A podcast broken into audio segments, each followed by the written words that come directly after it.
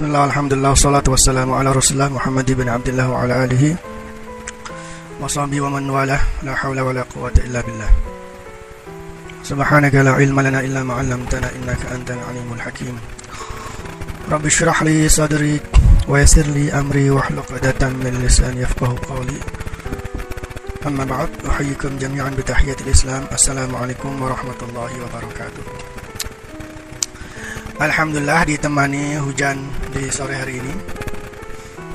Kita bisa kembali mendapatkan kesempatan untuk tolakul ilmi. Yang tolakul ilmi ini adalah suatu amalan yang sangat utama dalam ajaran agama kita. Apalagi uh, ilmu yang kita pelajari berhubungan dengan Al-Quran.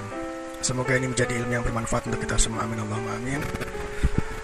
Dan uh, untuk kajian tafsir ya kemarin saya sudah uh, apa namanya melaksanakan live streaming juga cuman melalui akun apa namanya akun pesantren Madinatun Nur atau bukan tahfidz biasa. Karena memang ternyata kalau siaran pakai dua HP itu uh, ribet ya. Jadi akhirnya kemarin untuk kajian tafsirnya saya live streaming pakai Instagram Pondok dan sekarang kajian kitabnya live streaming pakai akun Odoj Sumedang. Dan sepertinya untuk selanjutnya seperti itu ya e, gantian ya. Kalau jadwalnya kan sepekan dua kali jadi baik di akun pesantren maupun akun Odoj ini dua kali dua kali ya Selasa Rabu Selasa Rabu gitu kan. Tafsir kitab tafsir kitab gitu. Tapi uh, karena ada kendala-kendala teknis maka uh, setiap atau dari satu akun satu kajian setiap pekan ya. Ini kayak sekarang ini hari Rabu ya, hari Rabu. Kajian kitab Kaifana Ta'amalu Ma'al Qur'anil Azim. Bagaimana kita berinteraksi dengan Al-Qur'an via akun Odoj. Pekan depan kajian via akun Odoj hari Selasa. Itu kajian taf tafsir tafsir Al-Marawi juz 30 gitu. Nah, kajian kitabnya di akun pesantren Madinatun Nur atau bukan tafis biasa. Jadi uh, gonta-ganti lah ya. Sekarang lewat akun Odoj setiap pada hari Rabu. Berarti pekan depan setelah Selasa. Begitu juga pekan berikutnya lagi hari Ra, hari Rabu. Ala kulihal uh, kajian ini kan nanti ter, terdokumentasikan ya, tersimpan di uh, akun IG kita sehingga bisa ditengok lah ya kalau memang belum sempat mengikuti live streamingnya. Tapi kita akan melanjutkan kembali kajian kitab Kaifana Ta'amalu Ma'al Qur'anil Azim. Bagaimana kita berinteraksi dengan Al-Qur'an. Ya. Dan beberapa hari yang lalu saya melihat ya di internet ternyata buku ini atau kitab ini sudah diterjemahkan dalam bahasa Indonesia dan pernah diterbitkan oleh penerbit Gema Insani Press. Cuman ini nggak tahu tuh apakah uh, sekarang masih ada nggak gitu ya. Dan kalau ada, saya sangat menganjurkan supaya kitab itu bisa dibaca oleh teman-teman sekalian. Teman-teman sekalian, di pekan sebelumnya kita membaca dalam kitab ini ya bagaimana Syekh Yusuf Qardawi menjelaskan bahwa Al-Quran itu adalah nur cahaya ya. dan ada sebuah penjelasan yang sangat menarik yang disampaikan oleh beliau ya beliau mengatakan bahwa di antara perbedaan Al-Quran dengan kitab-kitab lain seperti Taurat dan Injil ya itu kalau Al-Quran itu Allah menyebutnya sebagai cahaya ya. nurun ala nur ya. qad ja'akum minallahi nurun wa kitabum mubin telah datang kepada kalian cahaya dan kitab yang menjelaskan ya. begitu juga dalam ayat-ayat yang lain lah ketika Allah atau tetapi ketika Allah men, mensifati kitab Taurat, kitab Injil itu ungkapannya berbeda. Jadi kalau Al-Quran kan memang disebut sebagai cahaya. Tapi kalau Taurat dan Injil itu Al-Quran atau Allah mengungkapkannya dengan ungkapan yang sedikit berbeda. Bagaimana ungkapannya? Contoh dalam Al-Maidah ayat 44, "Inna anzalna Taurata fiha hudaw wa nur." Inna anzalna Taurata fiha hudaw wa nur. Itu. Sesungguhnya kami menurunkan Taurat yang di dalamnya ada huda, petunjuk dan cahaya. Begitu juga dalam Al-Maidah ayat 46 wa atainahul injila fihi hudan wa nur dan kami menurunkan kepadanya memberikan kepadanya yaitu Nabi Isa alaihissalam kitab Injil yang di dalamnya ada hidayah dan cahaya. Jadi kalau Al-Quran disebut sebagai cahaya, sementara Taurat dan Injil disebut dengan di dalamnya ada cahaya. Beda ya, cahaya dengan di dalamnya ada cahaya. Kalau Al-Quran itu memang cahaya. Kalau Taurat dan Injil di dalamnya ada cahaya. Ya kan? Ya beda sekali. Ya. Uh, saya sendiri pernah membuat tulisan ya yang judulnya Republik Cahaya. Itu saya tulis mungkin tahun 2015 ya. Dan di situ juga saya menjelaskan tentang kata cahaya dalam Al-Quran jadi kalau kita perhatikan teman-teman Al-Quran itu dalam mengungkapkan cahaya itu pasti dalam bentuk mufrad ya. Dalam bentuk muf mufrad.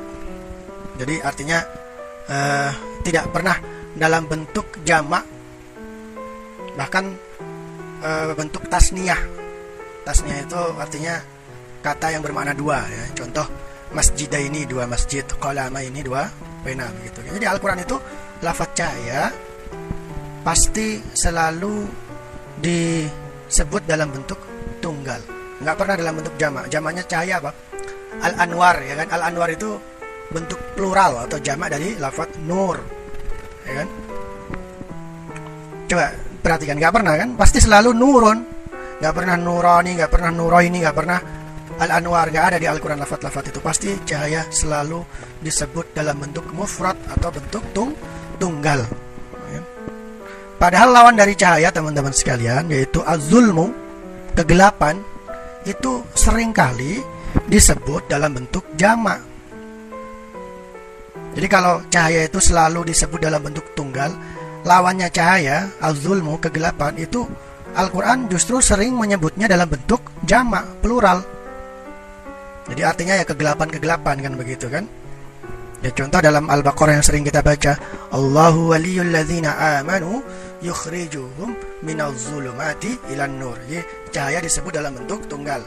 Tetapi lawannya yaitu zulumat, azulmu kegelapan disebut dalam bentuk uh, apa namanya? Uh, plu, plural, ya kan? Kegelapan, kegelapan, ya kan? Dan itu kalau kita perhatikan banyak sekali ayat-ayat Al-Qur'an yang di situ kata cahaya dan kata kegelapan disebut dalam satu rangkaian ayat yang sama, tetapi sekali lagi cahaya pasti disebut dalam bentuk tunggal sementara lawannya sering kali disebut dalam bentuk plu, plural atau ja, jamak. Nah ini sebuah pemilihan kata dan keindahan ungkapan yang patut kita renungkan. Artinya tentu Al-Quran dan Allah Subhanahu Wa Taala punya uh, maksud yang ingin kita pahami ya, ketika Al-Quran mengungkapkan kegelapan itu dalam bentuk plural jamak berarti banyak kegelapan tetapi cahaya selalu disebut dalam bentuk tung tunggal ya kan? Sehingga apa artinya? Berarti obat atau solusi dari berbagai macam kegelapan itu ya itu cuma satu cahaya nur satu cahaya tidak ada obat lain tidak ada cahaya yang lain. Yaitu cahaya itu adalah Al-Qur'an Al-Quran. Cahaya itu adalah is Islam. Nah, inilah salah satu uh, apa namanya bahan renungan ya ketika kita menggali kalimat atau lafaz cahaya dalam Al-Quran. Baik kita lanjutkan. Wadzalika anna hadzal qur'ana jaa musaddiqan lima baina yadayhi minal kitab. Yang demikian karena Al-Qur'an itu datang untuk membenarkan kitab-kitab yang lain. Ya. Ya kitab-kitab yang diturunkan sebelum Al-Qur'an. Ay fi usulihal aqdiyati wal akhlaqiyati qabla an tuhrafa. Artinya Al-Qur'an dalam hal ini mendukung dan menegaskan ajaran-ajaran pokok yang ada di kitab-kitab sebelumnya baik yang berhubungan dengan hal-hal uh, yang berhubungan dengan akidah maupun ah akhlak ya kan? Artinya dalam hal uh, akidah dan prinsip-prinsip akhlak itu Al-Quran itu membenarkan kitab-kitab sebelumnya. Artinya sama ajarannya dengan kitab-kitab sebelumnya. Tapi tiap kebelaan tuhrofa sebelum sebelum kitab-kitab yang sebelumnya itu ya Taurat Injil itu diselewengkan wa muhaiminan dan sebagai penjaga alaiha kepada al-kutub. Ay musahihan laha ma udkhila alaiha min awhamil bashari wal hirafatihim. Dan dalam hal ini Al-Quran juga membenarkan ya meluruskan meluruskan hal-hal yang sudah diselewengkan yang sudah di disimpangkan ya diselewengkan oleh manusia ya. Artinya ada ajaran-ajaran kitab terdahulu yang sudah diselewengkan yang sudah di uh, apa namanya manipulasi itu diluruskan oleh Al-Quran itu kalau kita berbicara tentang bagaimana posisi Al-Quran dengan kitab-kitab sebelum sebelumnya. Nah inilah makna firman Allah wa anzalna ilaikal kitaba bil haqqi musaddiqan lima baina yadayhi minal kitab wa muhaiminan alaih. Dan kami turunkan kepada Muhammad Alkitab atau Al-Quran yang dia membenarkan kitab-kitab sebelumnya sekaligus menjaganya. Menjaga itu maksudnya ya meluruskan hal-hal yang sudah uh, menyimpang, maksudnya dimanipulasi oleh manusia-manusia. Ya contohnya Trinitas itu kan ya. Injil uh, Injil-Injil yang sekarang berbicara tentang Trinitas. Al-Qur'an meluruskan. Dan tentu saja ya ajaran Trinitas yang di Injil itu ya apa namanya bukan bagian dari Injil sebenarnya tapi eh, penyimpangan-penyimpangan yang diselundupkan di dalam Injil. Walihadzal Qur'anu kama anzalahullahu khas walihadzal Qur'ani kama anzalahullah khasaisu tumayyizu an ghairihi fahuwa kitabun ilahiyyun. Maka dari itu Al-Qur'an memiliki keistimewaan-keistimewaan yang membedakannya dari kitab-kitab yang lain karena Al-Quran itu adalah kitab ilahi. Kitab apa namanya? Kitab Allah wahwa kitabun mu'jiz.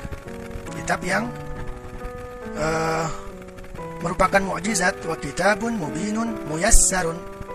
Wa kitabun mahfudun Al-Quran adalah kitab yang menjelaskan dan mudah yang dimudahkan. Kitab yang terjaga. Bahwa kitabud dini kullihi kullihi wa kitabul insaniyati kulliha. Ya. Al-Quran itu adalah kitab agama. Semuanya. Kitab seluruh zaman dan kitab seluruh nilai-nilai kemanusiaan. Hmm. ini ada ungkapan-ungkapan atau istilah-istilah yang uh, menarik ya. Kita ini kulih Al-Quran itu kitab seluruh ajaran agama. Artinya Al-Quran itu mengandung atau mencakup seluruh ajaran agama baik yang berhubungan dengan uh, hablum minallah juga hablum minannas bahkan hablun lil kaun. Ya, hubungan kita dengan alam itu juga ada di Al-Quran. Kitab zamani kullihi kitab yang kitab untuk segala zaman. Jadi artinya tidak ada istilah Al-Quran sudah ketinggalan zaman karena Al-Quran itu kitab zamani kullihi. Ya. Al-Quran selalu relevan dengan segala zaman. Wa kitabul insaniyati kuliah kitab untuk semua nilai-nilai kemanusiaan kitab untuk semua nilai-nilai kemanusiaan.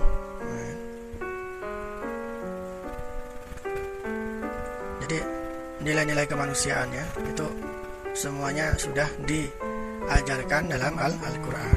Artinya Al-Quran tidak hanya nilai-nilai ketuhanan tetapi juga nilai-nilai kemanusiaan. Hak asasi manusia itu juga diajarkan dalam Al-Quran. Kama anna li hadzal qur'ani maqasidu maqasida wa ahdafan yas'a ilaiha. Begitu juga Al-Quran itu punya tujuan-tujuan.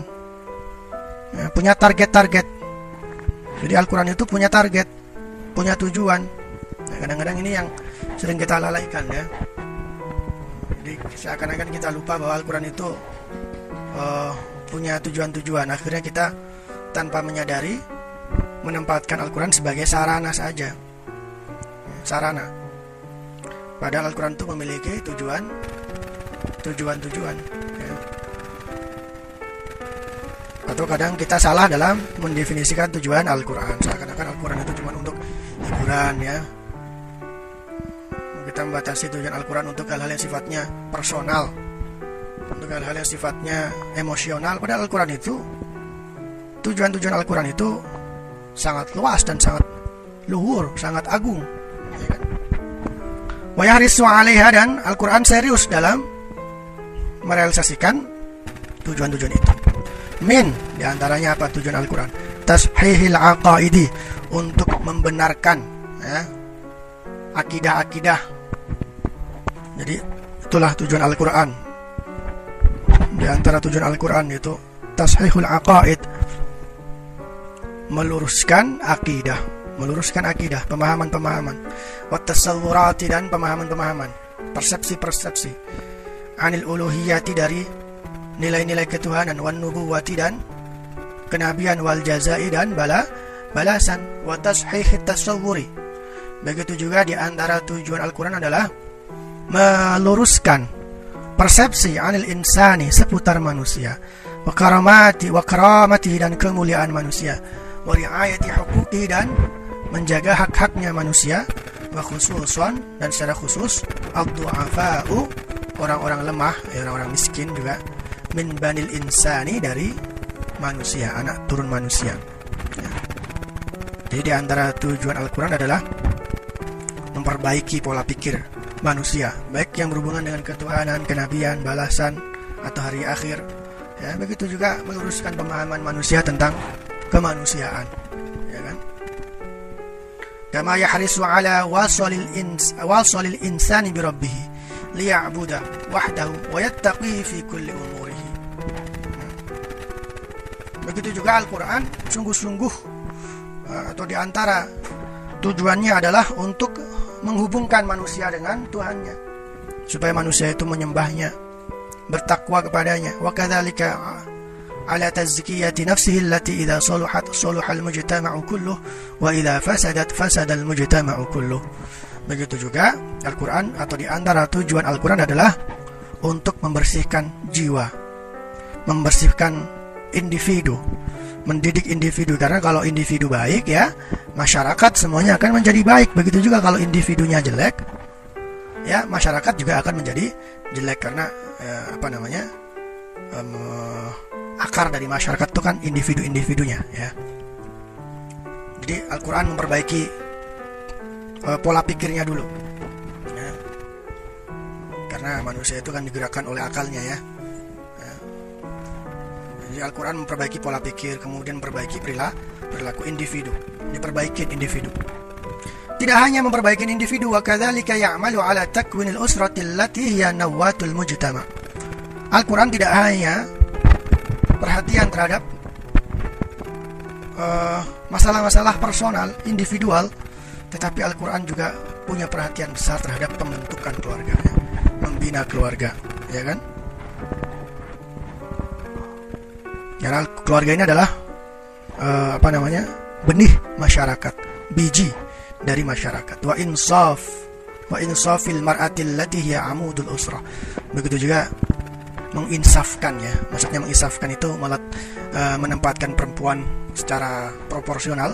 Allati amudul usrati yang perempuan itu adalah tiangnya keluar keluarga. Al-Quran memperbaiki individu, Al-Quran memperbaiki keluar keluarga. Wa mislu dzalika insya'ul ummah as-salihah allati hamalahu Allah amanat asyhadati 'ala al-bashariyah.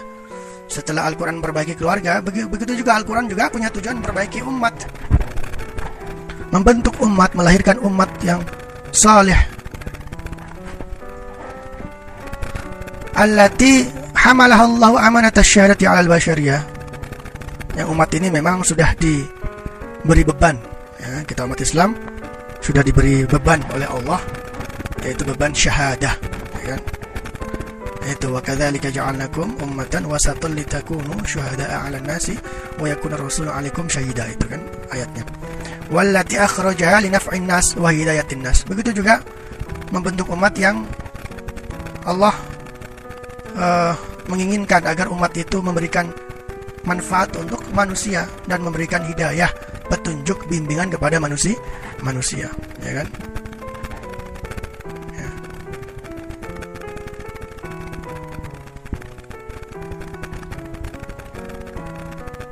dan setelah itu setelah Al-Quran memperbaiki individu, memperbaiki keluarga, memperbaiki uh, umat ya, membentuk suatu umat. Ad-da'watu ila alamin insaniyin yata'arafu wa la yatanakaru. Al-Quran mengajak kepada seluruh manusia untuk saling mengenal ya, saling mengenal bukan saling uh, ingkar ya. Artinya Al-Quran memiliki tujuan dalam skala global ini agar semua manusia itu saling ta'aruf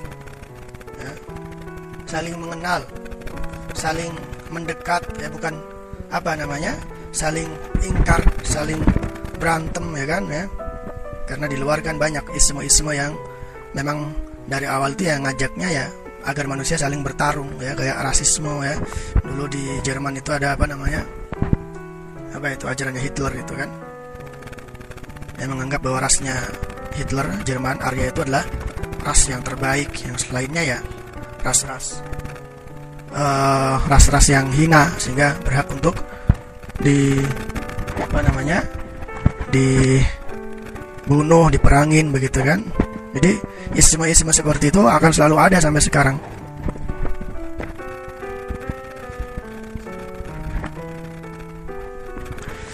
Nah Al-Quran dari dulu justru hadir untuk bagaimana agar manusia ini hidup harmoni ya Ta'aruf saling ta'aruf. Wayatasamahu dan saling bertasamuh.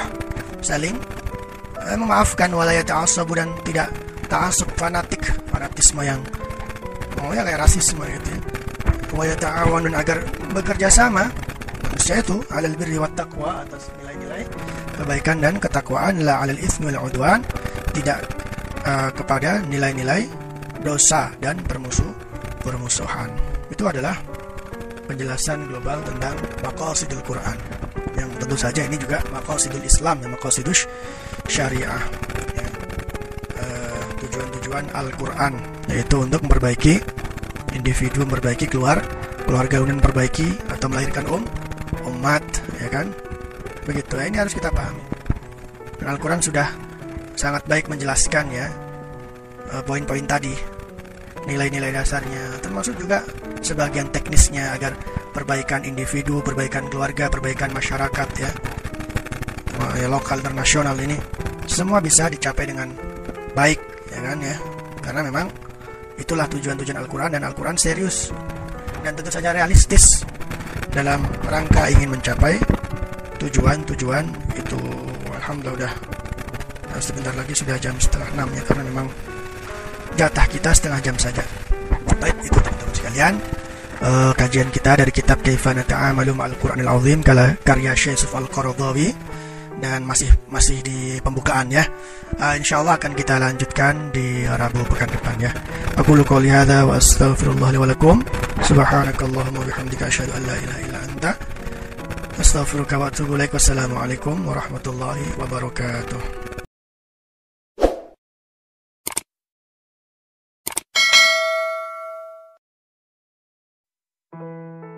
بسم الله والحمد لله والصلاة والسلام على رسول الله محمد بن عبد الله وعلى آله وصحبه ومن والاه لا حول ولا قوة إلا بالله سبحانك لا علم لنا إلا ما علمتنا إنك أنت العليم الحكيم رب اشرح لي صدري ويسر لي أمري واحلق عقدة من لساني يفقه قولي أما بعد أحييكم جميعا بتحية الإسلام السلام عليكم ورحمة الله وبركاته Alhamdulillah ditemani hujan di sore hari ini. Kita bisa kembali mendapatkan kesempatan untuk Tolakul ilmi. Yang tolakul ilmi ini adalah suatu amalan yang sangat utama dalam ajaran agama kita. Apalagi uh, ilmu yang kita pelajari berhubungan dengan Al-Quran. Semoga ini menjadi ilmu yang bermanfaat untuk kita semua. Amin Allahumma amin. Dan uh, untuk kajian tafsir ya kemarin saya sudah uh, apa namanya melaksanakan live streaming juga cuman melalui akun apa namanya akun pesantren Madinatul Nur atau bukan tahfidz biasa. Karena memang ternyata kalau siaran pakai dua HP itu e, ribet ya. Jadi akhirnya kemarin untuk kajian tafsirnya saya live streaming pakai Instagram Pondok dan sekarang kajian kitabnya live streaming pakai akun Odoj Sumedang.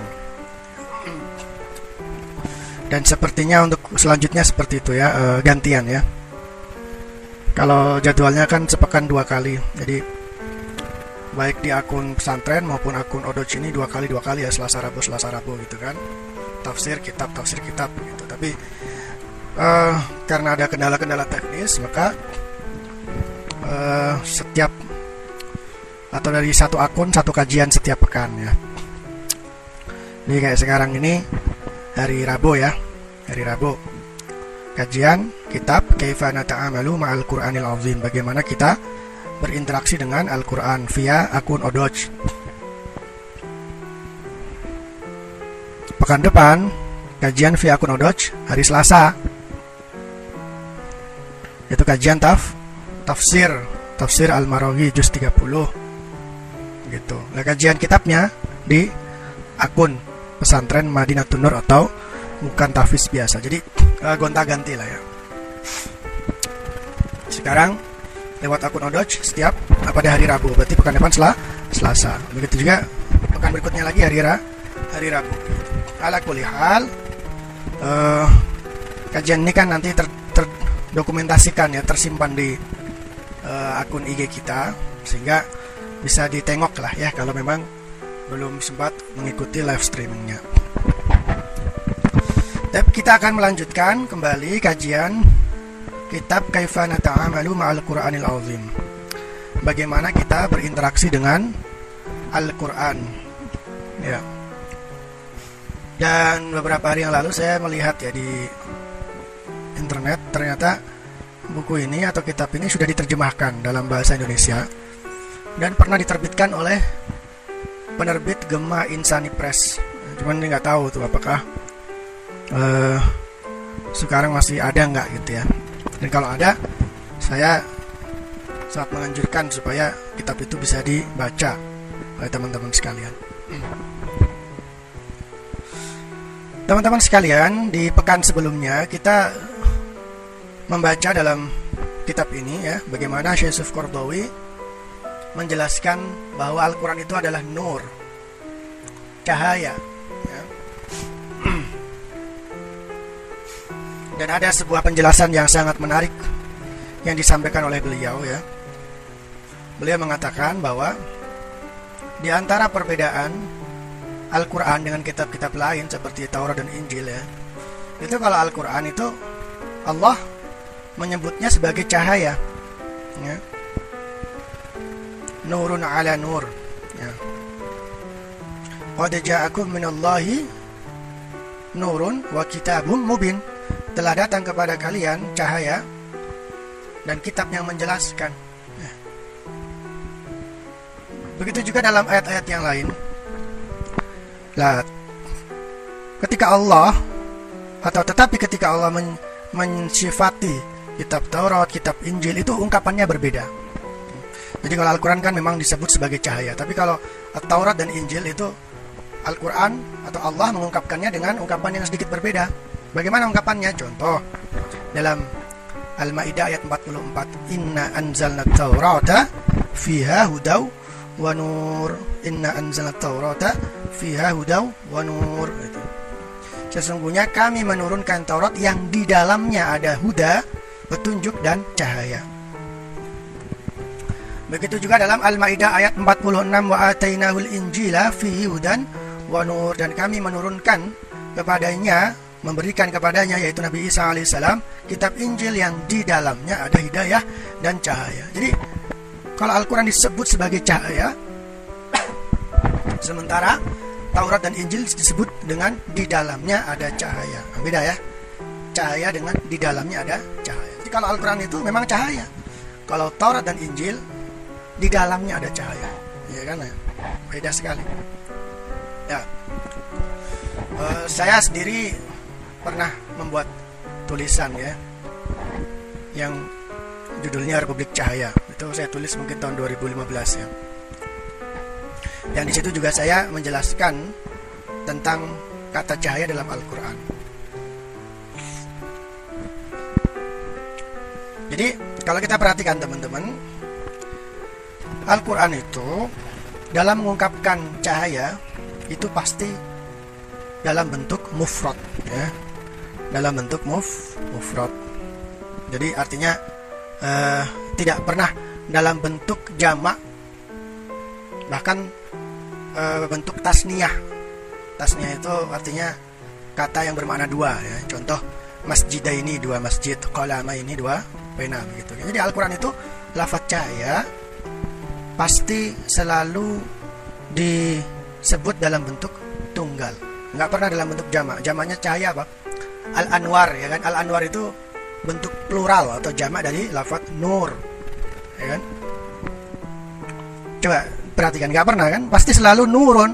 Nggak pernah nurani nggak pernah ini nggak pernah al anwar nggak ada di Al Quran lafat-lafat itu pasti cahaya selalu disebut dalam bentuk mufrad atau bentuk tung tunggal ya. padahal lawan dari cahaya teman-teman sekalian yaitu azulmu kegelapan itu sering kali disebut dalam bentuk jamak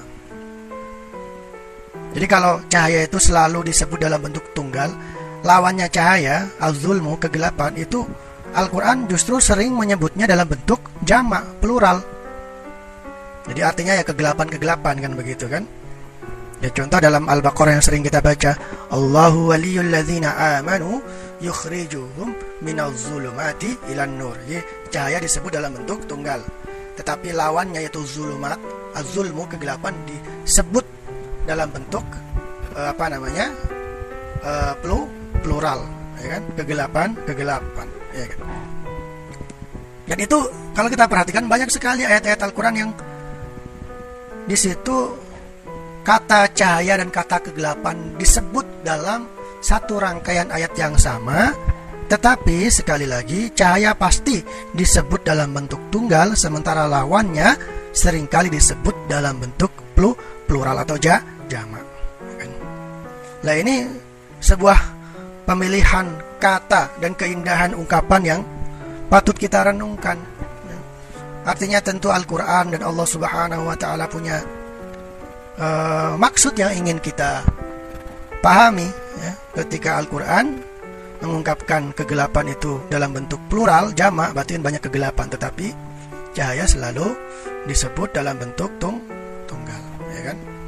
Sehingga apa artinya? Berarti obat atau solusi dari berbagai macam kegelapan itu ya, itu cuma satu cahaya, nur, satu cahaya. Tidak ada obat lain, tidak ada cahaya yang lain. Yaitu cahaya itu adalah Al-Qur, Al-Qur'an. Cahaya itu adalah is Islam. Nah, inilah salah satu uh, apa namanya? bahan renungan ya ketika kita menggali kalimat atau lafaz cahaya dalam Al-Qur'an. Baik kita lanjutkan wadzalika anna hadzal qur'ana jaa musaddiqan lima baina yadayhi minal kitab. Yang demikian karena Al-Qur'an itu datang untuk membenarkan kitab-kitab yang lain ya. Ya kitab-kitab yang diturunkan sebelum Al-Qur'an ay fi usulihal aqdiyati wal akhlaqiyati qabla an tuhrafa. Artinya Al-Qur'an dalam hal ini mendukung dan menegaskan ajaran-ajaran pokok yang ada di kitab-kitab sebelumnya baik yang berhubungan dengan hal-hal uh, yang berhubungan dengan akidah maupun ah akhlak ya kan? Artinya dalam hal uh, akidah dan prinsip-prinsip akhlak itu Al-Quran itu membenarkan kitab-kitab sebelumnya. Artinya sama ajarannya dengan kitab-kitab sebelumnya. Tapi itu ya qablaan tuhrofa sebelum sebelum kitab-kitab yang sebelumnya itu ya Taurat Injil itu diselewengkan wa muhaiminan dan sebagai penjaga alaiha kepada al-kutub. Ay musahihan laha fima udkhila alaiha min awhamil bashari wal hirafatihim. Dan dalam hal ini Al-Quran juga membenarkan ya meluruskan meluruskan hal-hal yang sudah diselewengkan yang sudah disimpangkan ya diselewengkan oleh manusia ya artinya ada ajaran-ajaran kitab terdahulu yang sudah diselewengkan yang sudah di uh, apa namanya manipulasi itu diluruskan oleh Al-Quran itu kalau kita berbicara tentang bagaimana posisi Al-Quran dengan kitab-kitab sebelum sebelumnya. Nah inilah makna firman Allah wa anzalna ilaikal kitaba bil haqqi musaddiqan lima baina yadayna al-kitab wa muhaiminan alaih. Dan kami turunkan kepada Muhammad Alkitab atau Al-Quran yang dia membenarkan kitab-kitab sebelumnya sekaligus menjaganya. Menjaga itu maksudnya ya meluruskan hal-hal yang sudah e, menyimpang, maksudnya dimanipulasi oleh manusia-manusia. Ya contohnya Trinitas itu kan ya. Injil uh, Injil-Injil yang sekarang berbicara tentang Trinitas. Al-Qur'an meluruskan. Dan tentu saja ya ajaran Trinitas yang di Injil itu ya apa namanya bukan bagian dari Injil sebenarnya tapi eh, penyimpangan-penyimpangan uh, yang diselundupkan di dalam Injil. Walihadzal Qur'anu kama anzalahu Allah khas walihadzal Qur'ani kama anzalahu Allah khasa'isu tumayyizu an ghairihi fahuwa kitabun ilahiyyun. Maka dari itu Al-Qur'an memiliki keistimewaan-keistimewaan yang membedakannya dari kitab-kitab yang lain karena Al-Quran itu adalah kitab ilahi. Kitab apa namanya? Kitab Allah wahwa kitabun mu'jiz. Kitab yang uh, merupakan mukjizat wa kitabun mubinun muyassarun wa kitabun mahfuzun. Al-Quran adalah kitab yang menjelaskan dan mudah yang dimudahkan kitab yang terjaga. Bahwa kitabud dini kullihi zamani kullihi wa kitabul insaniyati kulliha ya. Al-Quran itu adalah kitab agama semuanya kitab seluruh zaman dan kitab seluruh nilai-nilai kemanusiaan hmm. ini ada ungkapan-ungkapan atau istilah-istilah yang uh, menarik ya. Kitab ini kullih. Al-Quran itu kitab seluruh ajaran agama. Artinya Al-Quran itu mengandung atau mencakup seluruh ajaran agama.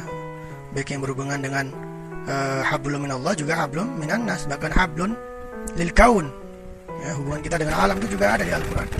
Kitab zamani kullihi, kitab yang kitab untuk segala zaman. Jadi artinya tidak ada istilah Al-Quran sudah ketinggalan zaman karena Al-Quran itu kitab zamani kullihi. Ya. Al-Quran selalu relevan dengan segala zaman wa kitabul insaniyati kuliah kitab untuk semua nilai-nilai kemanusiaan kitab untuk semua nilai-nilai kemanusiaan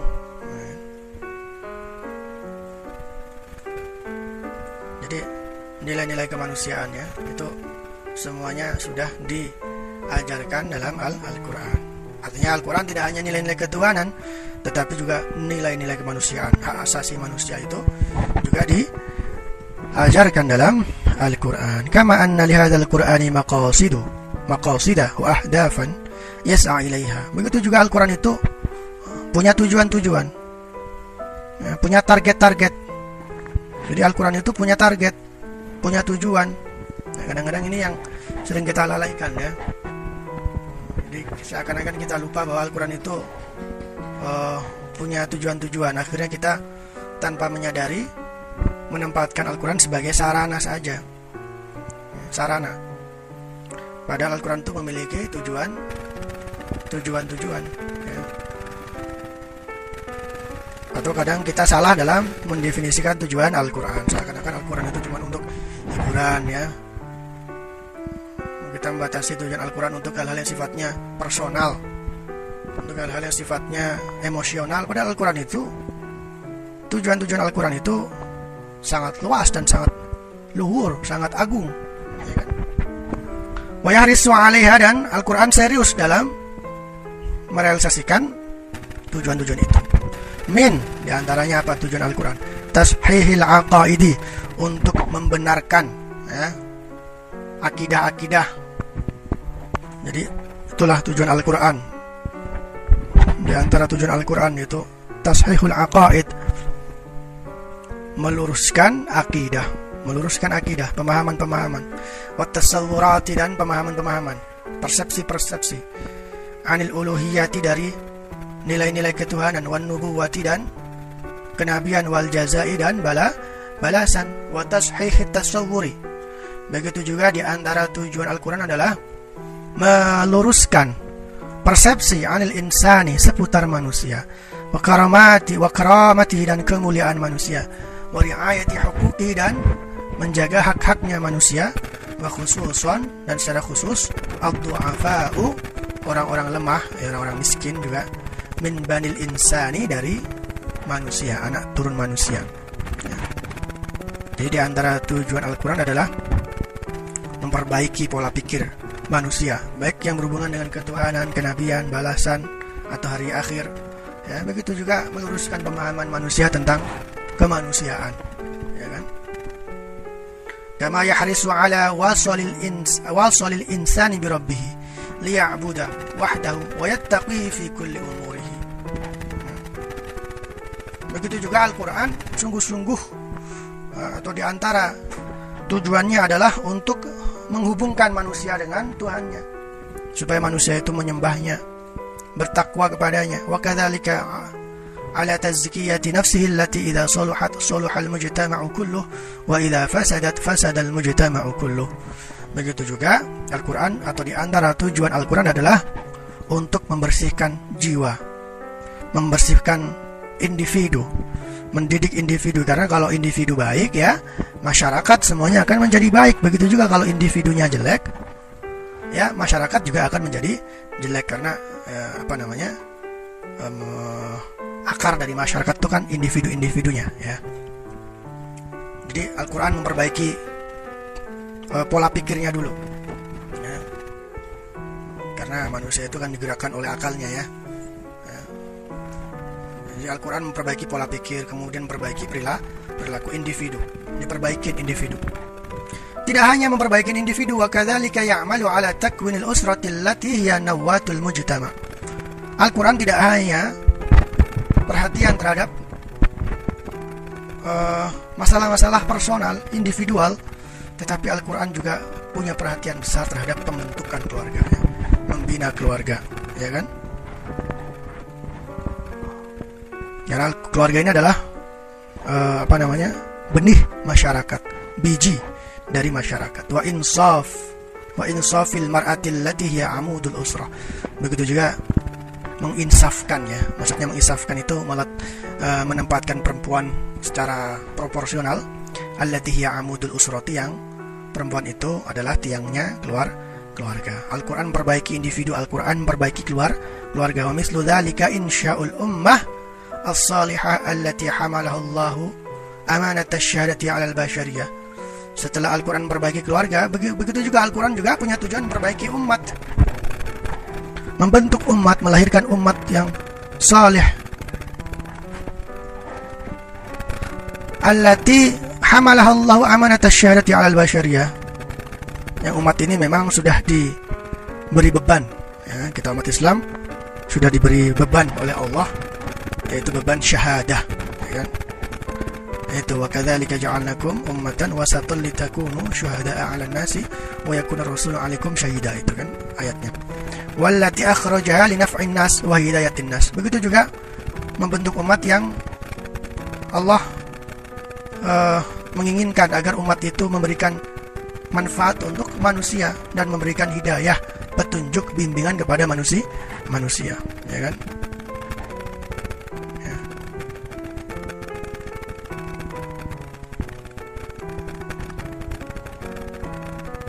Dan setelah itu setelah Al-Quran memperbaiki individu, memperbaiki keluarga, memperbaiki uh, umat ya, membentuk suatu umat Ad-da'watu ila alamin insaniyin yata'arafu wa la yatanakaru. Al-Quran mengajak kepada seluruh manusia untuk saling mengenal, ya, saling mengenal bukan saling uh, ingkar, ya. Artinya Al-Quran memiliki tujuan dalam skala global ini agar semua manusia itu saling ta'aruf,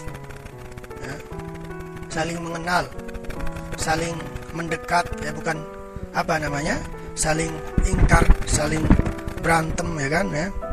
Karena di luar kan banyak isme-isme yang memang dari awal itu yang ngajaknya ya agar manusia saling bertarung ya kayak rasisme ya. Dulu di Jerman itu ada apa namanya apa itu ajarannya Hitler itu kan.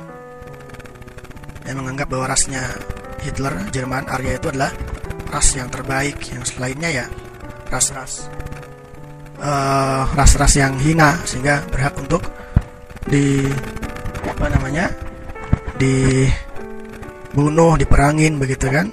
Jadi isme-isme seperti itu akan selalu ada sampai sekarang.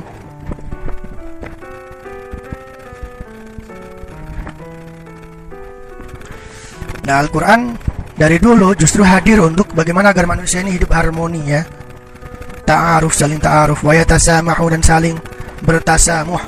Saling eh, memaafkan. Walaya ta'asabu dan tidak ta'asub fanatik. Fanatisme yang Oh ya kayak rasisme gitu ya. Wa yata'awan dan agar bekerja sama. Manusia itu alal birri wa taqwa Atas nilai-nilai kebaikan dan ketakwaan. La alal ithmi wal udwan. Tidak uh, kepada nilai-nilai dosa dan permusuh permusuhan. Itu adalah penjelasan global tentang maqasidul Quran. Yang tentu saja ini juga maqasidul Islam dan maqasidus syariah. Ya. Uh, tujuan-tujuan Al-Quran yaitu untuk memperbaiki individu, memperbaiki keluar keluarga dan memperbaiki atau melahirkan um umat, ya kan? Begitu. Ya, ini harus kita pahami. Al-Quran sudah sangat baik menjelaskan ya Eh, poin-poin tadi nilai-nilai dasarnya termasuk juga sebagian teknisnya agar perbaikan individu, perbaikan keluarga, perbaikan masyarakat ya, ya lokal internasional ini semua bisa dicapai dengan baik ya kan ya. Karena memang itulah tujuan-tujuan Al-Quran dan Al-Quran serius dan tentu saja realistis dalam rangka ingin mencapai tujuan-tujuan itu. Alhamdulillah udah. Sebentar lagi sudah jam setengah enam ya karena memang jatah kita setengah jam saja. Baik, itu teman-teman sekalian. Uh, kajian kita dari kitab Kaifana Ta'amalu Ma'al Qur'anil Azim karya Syekh Al-Qaradawi dan masih masih di pembukaan ya. Uh, insyaallah akan kita lanjutkan di Rabu pekan depan ya. Aku lu qouli wa astaghfirullah li.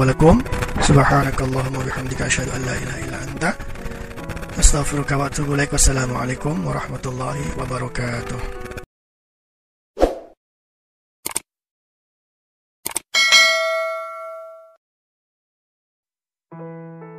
بسم الله والحمد لله والصلاة والسلام على رسول الله محمد بن عبد الله وعلى آله وصحبه ومن والاه لا حول ولا قوة إلا بالله سبحانك لا علم لنا إلا ما علمتنا إنك أنت العليم الحكيم رب اشرح لي صدري ويسر لي أمري واحلق عقدة من لساني يفقه قولي أما بعد أحييكم جميعا بتحية الإسلام السلام عليكم ورحمة الله وبركاته Alhamdulillah ditemani hujan di sore hari ini.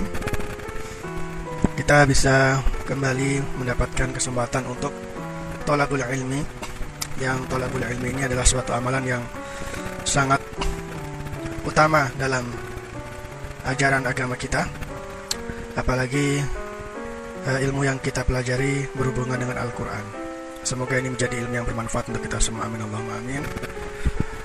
Dan uh, untuk kajian tafsir ya kemarin saya sudah uh, apa namanya melaksanakan live streaming juga cuman melalui akun apa namanya akun pesantren Madinatun Nur atau bukan tahfidz biasa. Karena memang ternyata kalau siaran pakai dua HP itu uh, ribet ya. Jadi akhirnya kemarin untuk kajian tafsirnya saya live streaming pakai Instagram Pondok dan sekarang kajian kitabnya live streaming pakai akun Odoj Sumedang. Dan sepertinya untuk selanjutnya seperti itu ya e, gantian ya. Kalau jadwalnya kan sepekan dua kali jadi baik di akun pesantren maupun akun Odoj ini dua kali dua kali ya Selasa Rabu Selasa Rabu gitu kan.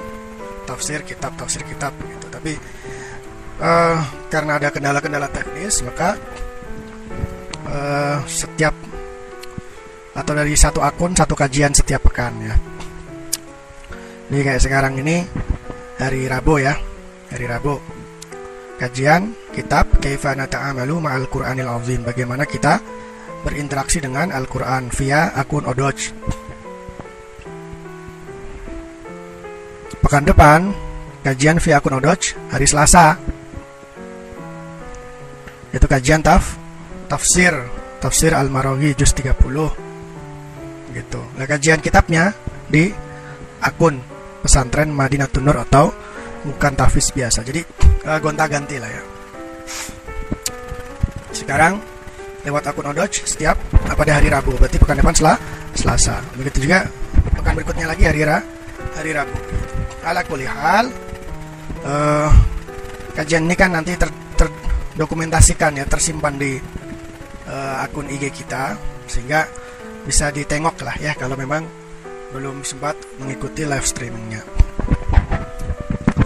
Tapi kita akan melanjutkan kembali kajian kitab Kaifana Ta'amalu Ma'al Qur'anil Azim. Bagaimana kita berinteraksi dengan Al-Qur'an. Ya. Dan beberapa hari yang lalu saya melihat ya di internet ternyata buku ini atau kitab ini sudah diterjemahkan dalam bahasa Indonesia dan pernah diterbitkan oleh penerbit Gema Insani Press.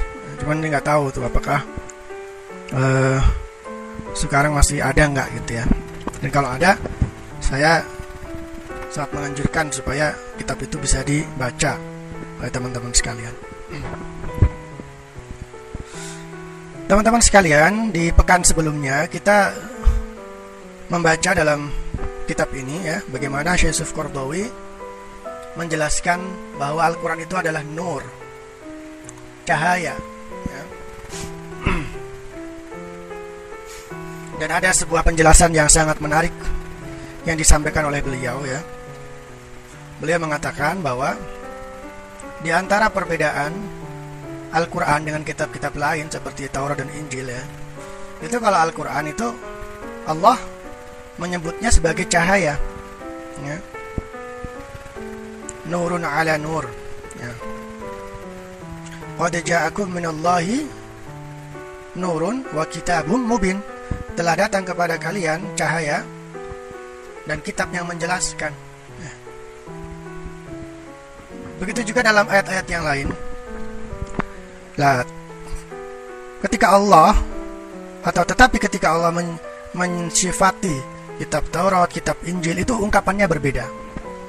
Jadi kalau Al-Quran kan memang disebut sebagai cahaya, tapi kalau Taurat dan Injil itu Al-Quran atau Allah mengungkapkannya dengan ungkapan yang sedikit berbeda. Bagaimana ungkapannya? Contoh dalam Al-Maidah ayat 44, Inna anzalna taurata fiha hudaw wa nur. Inna anzalna taurata fiha hudaw wa nur. Itu. Sesungguhnya kami menurunkan Taurat yang di dalamnya ada huda, petunjuk dan cahaya. Begitu juga dalam Al-Maidah ayat 46 wa atainahul injila fihi hudan wa nur dan kami menurunkan kepadanya memberikan kepadanya yaitu Nabi Isa alaihissalam kitab Injil yang di dalamnya ada hidayah dan cahaya. Jadi kalau Al-Quran disebut sebagai cahaya, sementara Taurat dan Injil disebut dengan di dalamnya ada cahaya. Beda ya, cahaya dengan di dalamnya ada cahaya. Kalau Al-Quran itu memang cahaya. Kalau Taurat dan Injil di dalamnya ada cahaya, ya kan ya? Beda sekali. Ya, uh, saya sendiri pernah membuat tulisan ya yang judulnya Republik Cahaya itu saya tulis mungkin tahun 2015 ya dan di situ juga saya menjelaskan tentang kata cahaya dalam Al-Quran jadi kalau kita perhatikan teman-teman Al-Quran itu dalam mengungkapkan cahaya itu pasti dalam bentuk mufrad ya dalam bentuk muf mufrad.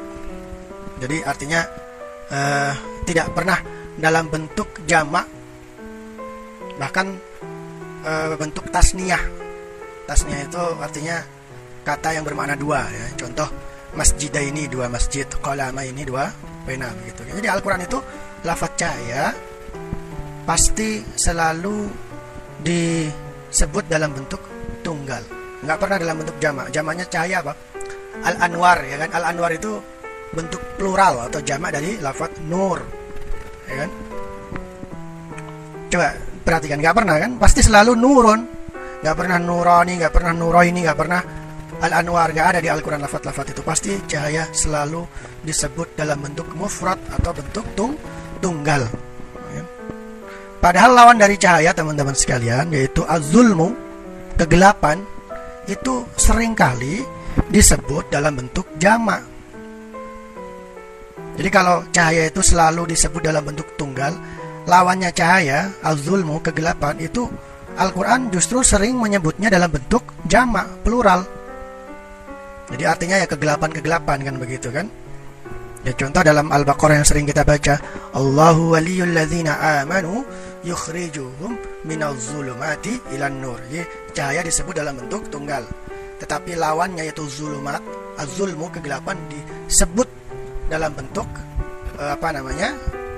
Uh, plu, plural, ya kan? Kegelapan, kegelapan, ya kan?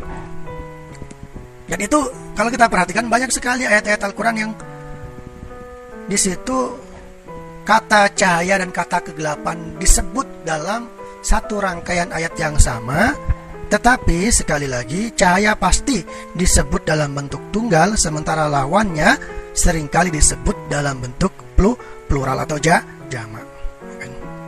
Nah ini sebuah pemilihan kata dan keindahan ungkapan yang patut kita renungkan.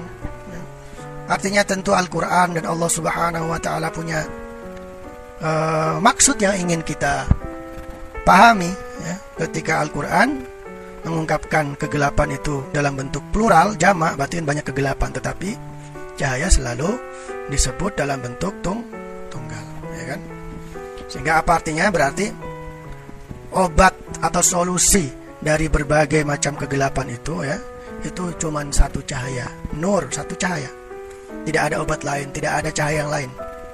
Yaitu cahaya itu adalah Al-Qur Al-Qur'an. Cahaya itu adalah is Islam. Nah, inilah salah satu uh, apa namanya? bahan renungan ya ketika kita menggali kalimat atau lafaz cahaya dalam Al-Qur'an. Baik kita lanjutkan wadzalika anna hadzal qur'ana jaa musaddiqan lima baina yadayhi minal kitab. Yang demikian karena Al-Quran itu datang untuk membenarkan kitab-kitab yang lain. Ya. Ya kitab-kitab yang diturunkan sebelum Al-Quran. Ay fi usulihal aqdiyati wal akhlaqiyati qabla an tuhrafa. Artinya Al-Quran dalam hal ini mendukung dan menegaskan ajaran-ajaran pokok yang ada di kitab-kitab sebelumnya baik yang berhubungan dengan hal-hal uh, yang berhubungan dengan akidah maupun ah akhlak ya kan? Artinya dalam hal uh, akidah dan prinsip-prinsip akhlak itu Al-Quran itu membenarkan kitab-kitab sebelumnya. Artinya sama ajarannya dengan kitab-kitab sebelumnya. Tapi tiap kebelaan tuhrofa sebelum sebelum kitab-kitab yang sebelumnya itu ya Taurat Injil itu diselewengkan wa muhaiminan dan sebagai penjaga alaiha kepada al-kutub. Ay musahihan laha ma udkhila alaiha min awhamil bashari wal hirafatihim. Dan dalam hal ini Al-Quran juga membenarkan ya, meluruskan meluruskan hal-hal yang sudah diselewengkan yang sudah disimpangkan ya, diselewengkan oleh manusia ya. Artinya ada ajaran-ajaran kitab terdahulu yang sudah diselewengkan, yang sudah di uh, apa namanya manipulasi itu diluruskan oleh Al-Quran. Itu kalau kita berbicara tentang bagaimana posisi Al-Quran dengan kitab-kitab sebelum sebelumnya. Nah inilah makna firman Allah wa anzalna ilaikal kitaba bil haqqi musaddiqan lima baina yadayhi minal kitab wa muhaiminan alaih. Dan kami turunkan kepada Muhammad Alkitab atau Al-Quran yang dia membenarkan kitab-kitab sebelumnya sekaligus menjaganya. Menjaga itu maksudnya ya meluruskan hal-hal yang sudah e, menyimpang, maksudnya dimanipulasi oleh manusia-manusia. Ya contohnya Trinitas itu kan ya. Injil e, Injil-Injil yang sekarang berbicara tentang Trinitas. Al-Qur'an meluruskan. Dan tentu saja ya ajaran Trinitas yang di Injil itu ya apa namanya bukan bagian dari Injil sebenarnya tapi eh, penyimpangan-penyimpangan yang diselundupkan di dalam Injil. Walihadzal Qur'anu kama anzalahullahu khas walihadzal Qur'ani kama anzalahullah khasaisu tumayyizu an ghairihi fahuwa kitabun ilahiyyun. Maka dari itu Al-Qur'an memiliki keistimewaan-keistimewaan yang membedakannya dari kitab-kitab yang lain karena Al-Quran itu adalah kitab ilahi. Kitab apa namanya? Kitab Allah wahwa kitabun mu'jiz. Kitab yang uh, merupakan mukjizat wa kitabun mubinun muyassarun. Wa kitabun mahfudun Al-Quran adalah kitab yang menjelaskan dan mudah yang dimudahkan. Kitab yang terjaga. Bahwa kitabud dini kullihi. Wa kitabuz zamani kullihi kitabul insaniyati kulliha. Ya. Al-Quran itu adalah kitab agama. Semuanya. Kitab seluruh zaman dan kitab seluruh nilai-nilai kemanusiaan. Hmm. ini ada ungkapan-ungkapan atau istilah-istilah yang uh, menarik ya. Kitab dini kullih Al-Quran itu kitab seluruh ajaran agama. Artinya Al-Quran itu mengandung atau mencakup seluruh ajaran agama baik yang berhubungan dengan uh, hablum minallah juga hablum minannas bahkan hablun lil kaun. Ya, hubungan kita dengan alam itu juga ada di Al-Quran. Kitab zamani kullihi kitab yang kitab untuk segala zaman. Jadi artinya tidak ada istilah Al-Quran sudah ketinggalan zaman karena Al-Quran itu kitab zamani kullihi. Ya. Al-Quran selalu relevan dengan segala zaman. Wa kitabul insaniyati kuliah kitab untuk semua nilai-nilai kemanusiaan. Kitab untuk semua nilai-nilai kemanusiaan.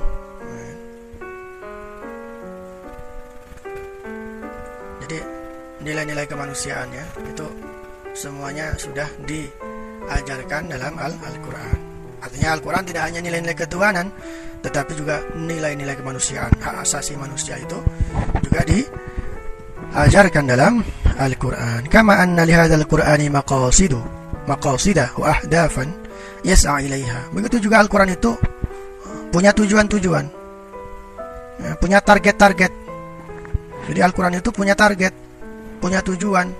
Nah, kadang-kadang ini yang sering kita lalaikan ya.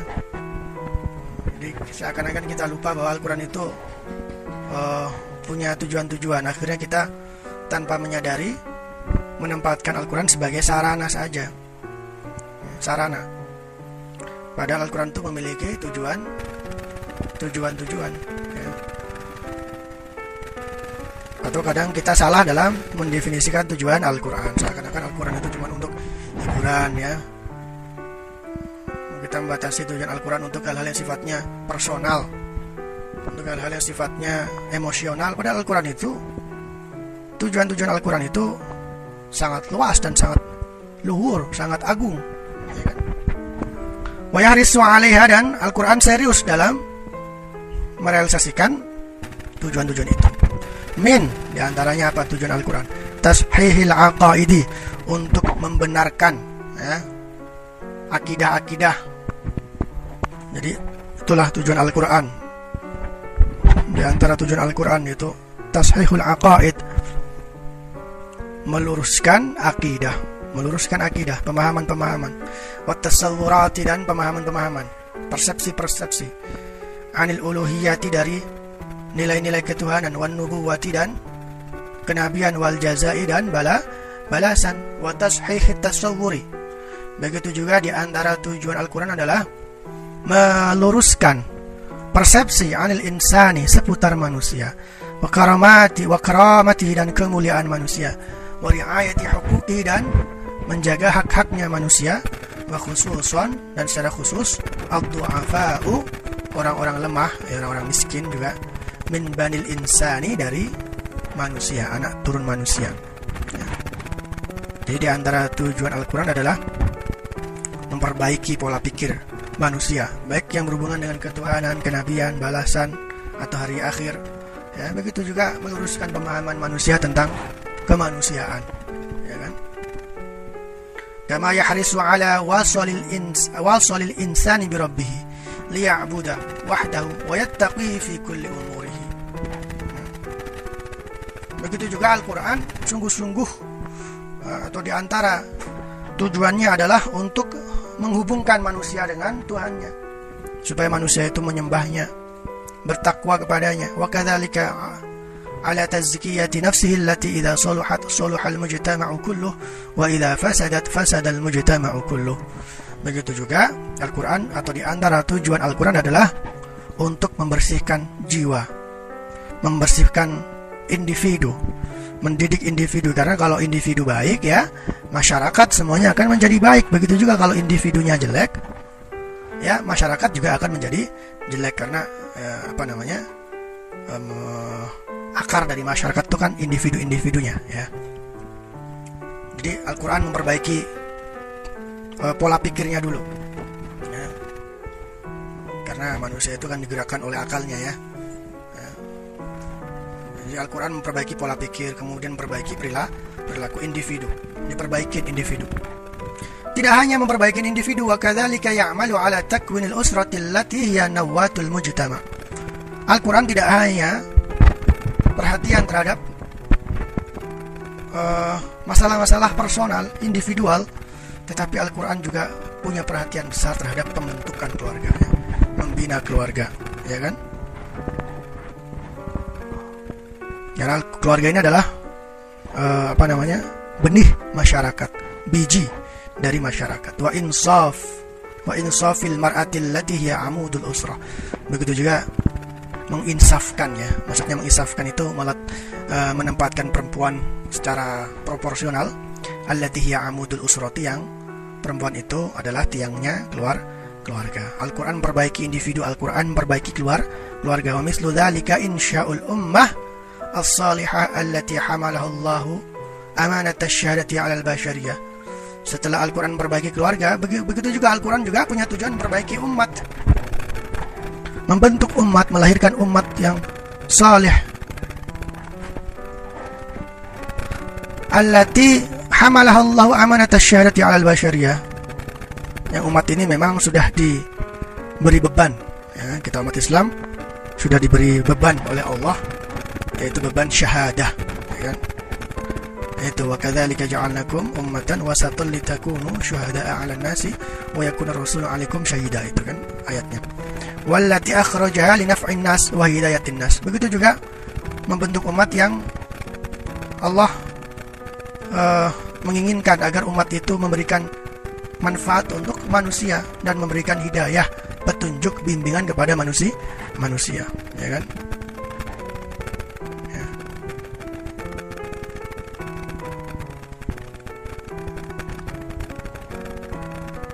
Wa ba'da dan setelah itu setelah Al-Qur'an memperbaiki individu, memperbaiki keluarga, memperbaiki uh, umat ya, membentuk suatu umat. Ad-da'watu ila 'alamin insaniyin yata'arafu wa la yatanakaru. Al-Qur'an mengajak kepada seluruh manusia untuk saling mengenal ya, saling mengenal bukan saling uh, ingkar ya. Artinya Al-Qur'an memiliki tujuan dalam skala global ini agar semua manusia itu saling ta'aruf saling mengenal, saling mendekat ya bukan apa namanya, saling ingkar, saling berantem ya kan ya. Karena di luar kan banyak isme-isme yang memang dari awal itu yang ngajaknya ya agar manusia saling bertarung ya kayak rasisme ya. Dulu di Jerman itu ada apa namanya? Apa itu ajarannya Hitler itu kan. Yang menganggap bahwa rasnya Hitler Jerman Arya itu adalah ras yang terbaik yang selainnya ya ras-ras uh, ras-ras yang hina sehingga berhak untuk di apa namanya dibunuh diperangin begitu kan. Jadi isma-isma seperti itu akan selalu ada sampai sekarang.